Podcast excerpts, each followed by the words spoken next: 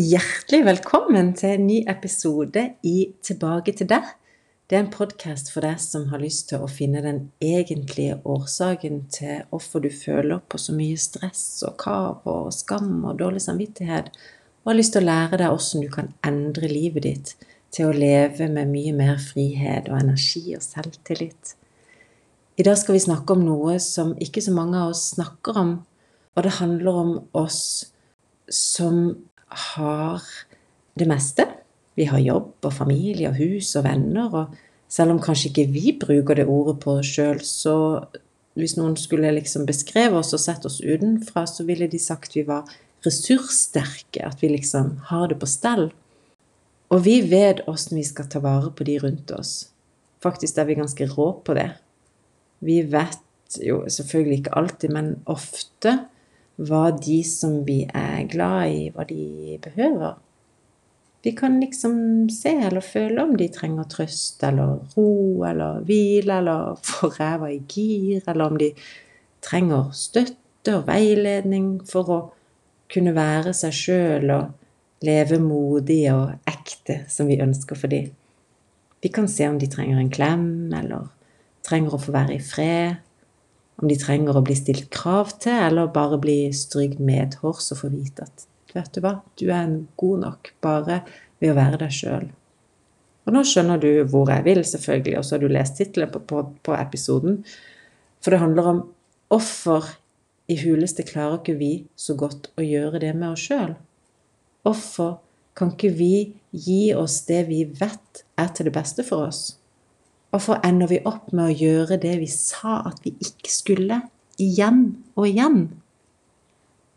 Vi skal i denne episoden dykke ned i årsaken til at vi ikke gjør det som er til det beste for oss, selv om vi vet bedre. Og du vet hva jeg mener. Det kan være Netflix-serie-binging som leder til at du legger deg for seint, som gjør at du sover for lite og får en dårlig dag etterpå. Det kan være godis og snacks når du liksom har lovt deg sjøl å la være. Det kan være at du holder deg for deg sjøl og isolerer deg istedenfor å være ute med andre folk som hadde vært godt for deg. Eller det kan være at du er ute med andre folk istedenfor å komme inn til deg sjøl, til ro og til ettertanke. Det kan være at du passiviserer deg istedenfor å liksom være aktiv når det var det du hadde trengt å få den energien. Eller det kan være at du er i masseaktivitet istedenfor å gå inn og finne den hvilen. Det kan være at du baksnakker, det kan være at du putter negativ fokus på andre, eller at du shopper på nett. Altså, det er i hvert fall noe som får deg til å føle deg dårlig etterpå. Og jeg tipper det er ikke vanskelig for deg å komme på hva din go-to eller dine go-tos er her. Og hvis du er som meg, så skaper det en kjip følelse i maven når vi innrømmer det for oss sjøl. Så da skal jeg skynde meg å si noe mer, sånn at vi kan flytte ut av denne gnagende samvittighetsfølelsen så kjapt som mulig. For den der dårlige samvittigheten og den derre 'jeg burde'-følelsen, den gjør ingen nytte annet enn å få deg til å føle deg enda verre. Og der skal vi ikke være. Og jeg tenkte jeg skulle dele mitt perspektiv som coach om dette. For hvis du hadde kommet til meg som coach med dette som en issue, altså hvorfor gjør jeg ikke det som er det beste for meg, selv om jeg vet bedre, så ville jeg faktisk ikke vært så opptatt av hva du gjør. Jeg ville vært mye mer opptatt av hva det du gjør, hva det gir deg. Altså, hva er grunnen til at du velger det du egentlig har lovt deg sjøl å slutte med, og som bare får deg til å føle deg crap etterpå? For det er ser ingen overraskelser i den fortellinga. Det vet du. Du velger sofaen istedenfor gåturen eller treninga eller meditasjonen eller hva det var du skulle ha gjort for deg sjøl. Og til å begynne med så kommer det kanskje en sånn tomhet eller nummenhet eller en lettelse eller noe. Men etter en stund, når serien er ferdig eller chipsposen er tom, så føler du deg ikke noe bra. Den historien er tålelig lik hver eneste gang, og allikevel så gjentar vi igjen og igjen. Så hva er det det gir deg? Det er spørsmålet. For hvis ikke det hadde gitt deg noe, så hadde du ikke gjort det. Og jeg tror at det ofte er det som det faktisk gir oss, det er verdt å reflektere og tenke litt over. Og jeg har noen forslag til hva som kan ligge bak det vi gjør, og hva det gir oss, i tre punkter som jeg vil fortelle om nå. Punkt én handler om at vi faktisk ikke har lært oss å kjenne etter. Så vi er ikke klar over at vi døyver følelser og vonde tanker når vi distraherer oss sjøl med mat eller serier eller scrolling eller baksnakking eller hva det er. Jeg skal forklare. Det handler om åssen vi er oppdratt, og om de gamle innarbeida tankemønstrene som vi kanskje ikke engang er klar over at vi har om hva vi tror at samfunnet forventer av oss. Jeg syns at det kan være 2023 så mye det bare vil nå, men faktum er at vi som er voksne nå, og særlig de av oss som sliter med stress og ikke føler seg gode nok, vi er oppdratt, både bevisst og ubevisst, til at vi skal sette andres behov foran våres. Vi har kjent det hele veien, uten at vi har visst det, men det har vært applaudert og rost og fremsnakka når vi har vært selvoppofrende eller behagelige og alltid til nytte for andre. Nå vet vi bedre med hjernen, for vi oppdrar ungene våre bedre, men nervesystemet vårt henger ikke helt med. For nervesystemet ditt har lært seg at det alltid er best og mest kjærlighet og tilhørighet å hente når du overser dine egne behov og heller tuner inn hva andre trenger, og så handler du etter det. Det vil si at hvis du er som meg og mange andre, så har du alltid prioritert å ha antennene ute etter hva andre trenger, og har liksom mer eller mindre motvillig dansa etter deres pipe og fulgt strømmen etter hva som sømmer seg. Du har altså veldig lite trening i å kjenne etter åssen du egentlig har det. Hva som egentlig gjør deg såra, sint og frustrert, og hva du trenger da. Så når du kjenner på ubehag, så er det kanskje litt sånn diffust. Kanskje det bare kler seg ut til og med som utmattelse eller overveldelse og så har du ingen annen løsning der og da enn å døyve det med din go-to. Altså, når du døyver følelser eller distraherer deg sjøl, så er det det samme som å ikke forholde seg til egne følelser. Og det det gir deg da, det er jo en pause, midlertidig fri fra det som egentlig plager deg. Punkt nummer to, det handler om perfeksjonisme og høy standard. Og her blir jeg veldig personlig for å illustrere et eksempel. Fordi at jeg må innrømme at jeg i mange, mange år jeg blei rett og slett forbanna. Jeg blei irritert når jeg snakka med folk som sa at jeg hadde for høye standarder og forventninger til hva jeg skulle prestere og gjøre. Jeg ble sur, og jeg tenkte at de visste ikke hva de snakka om. For alle har jo for pokker en jobb som de skal gjøre det bra i, eller vil gjøre det bra i. Og et hjem de har på stell, og unger som blir fulgt opp, og en semifornøyd, i hvert fall, mann, og holder seg i form, og Ja, du vet. Jeg blei sur på de som sa det. Men skjønner nå i ettertid at den frustrasjonen kanskje aller mest var retta mot meg sjøl, fordi at jeg ville bare ikke innse at jeg også har de begrensningene. Jeg likte, eller i hvert fall forventa, å se på meg sjøl som en som Du vet, jeg bare tar det. Som takler det som livet gir meg, og som alltid leverer godt kanskje Jeg har lyst til å være en som alltid overleverer, og som i hvert fall ikke skuffer noen. Jeg skjønner jo nå at jeg har hatt en lav selvfølelse i store deler av livet, og har derfor vært veldig opptatt av å fremstå bedre enn jeg sjøl har følt meg.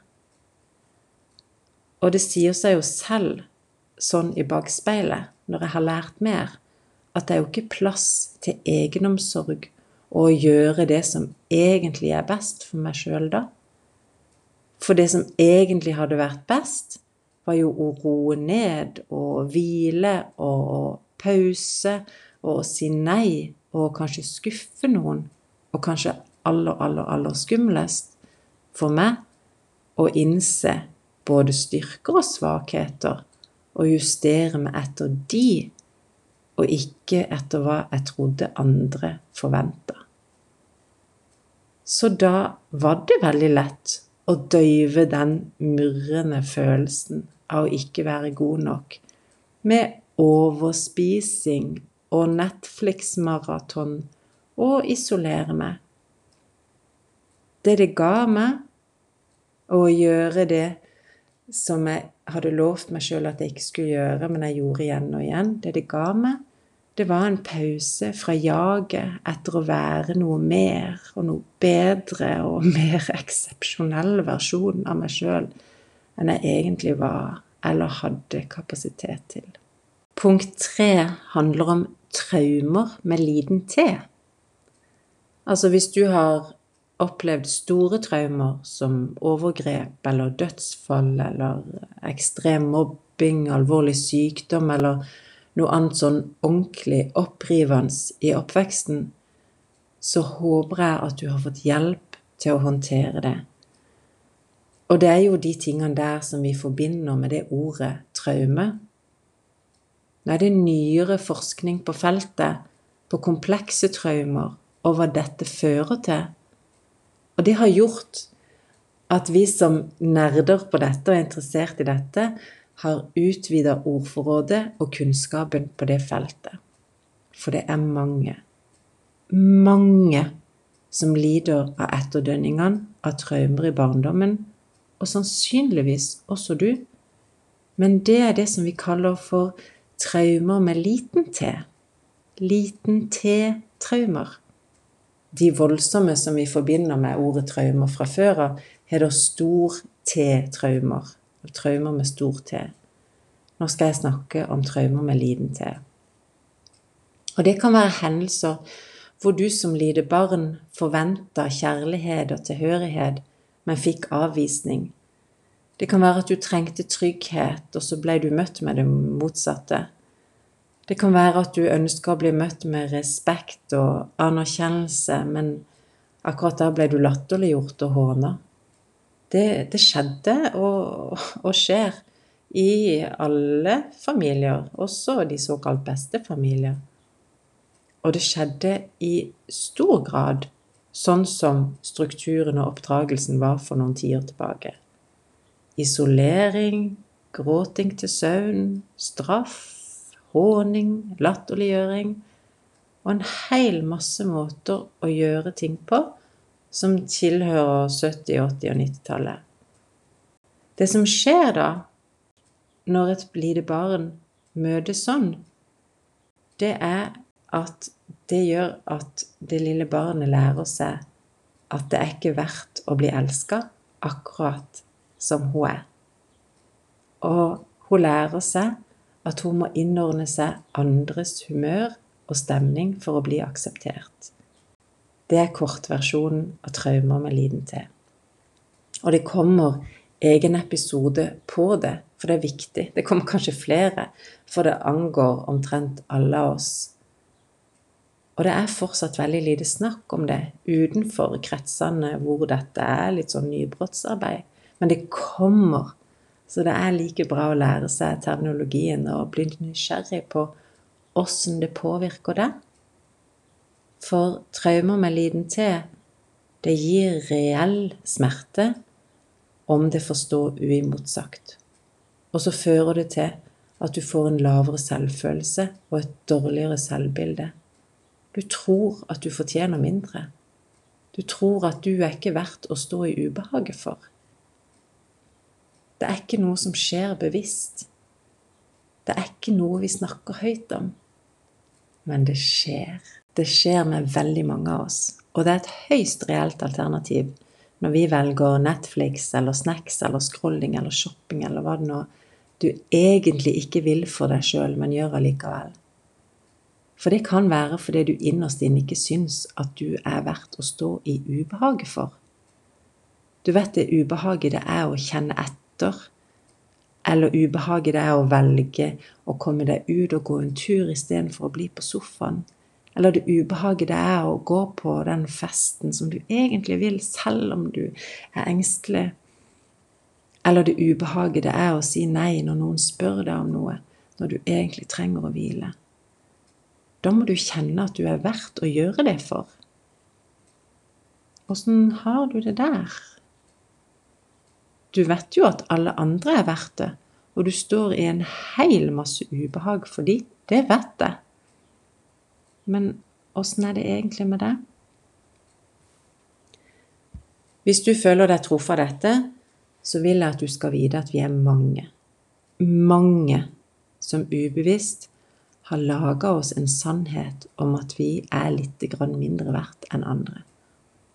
Det er en sannhet som har satt seg inn i ryggmargen og i nervesystemet, og vi har tatt valg basert på den i lang tid. Og jeg kommer til å lage flere episoder om traumer med liten T og hva det fører med seg. Men for nå så vil jeg at du skal vite at selv om du har tenkt det lenge, så er det ikke sikkert det er sant. Selv om du har lavt deg en ubevisst verdi på deg selv som er lavere enn andres, at du er verdt å kjempe mindre for, så er det ikke sikkert det er sant bare fordi du har tenkt det. Og så vil jeg minne deg på at spøkelser, de bor i mørket. Så når du nå begynner å bli klar over at du har noen gamle sannheter som bør revurderes og tørke støv av, så trekker du de òg frem i lyset. Og det er ikke sikkert at du trenger så mye mer enn å se på hva du har tenkt, hva som har skjedd, og hvordan det ble sånn. Det kan være både en sorgfull og en styrkende prosess å ta tak i. Gi deg selv tid til å kjenne etter.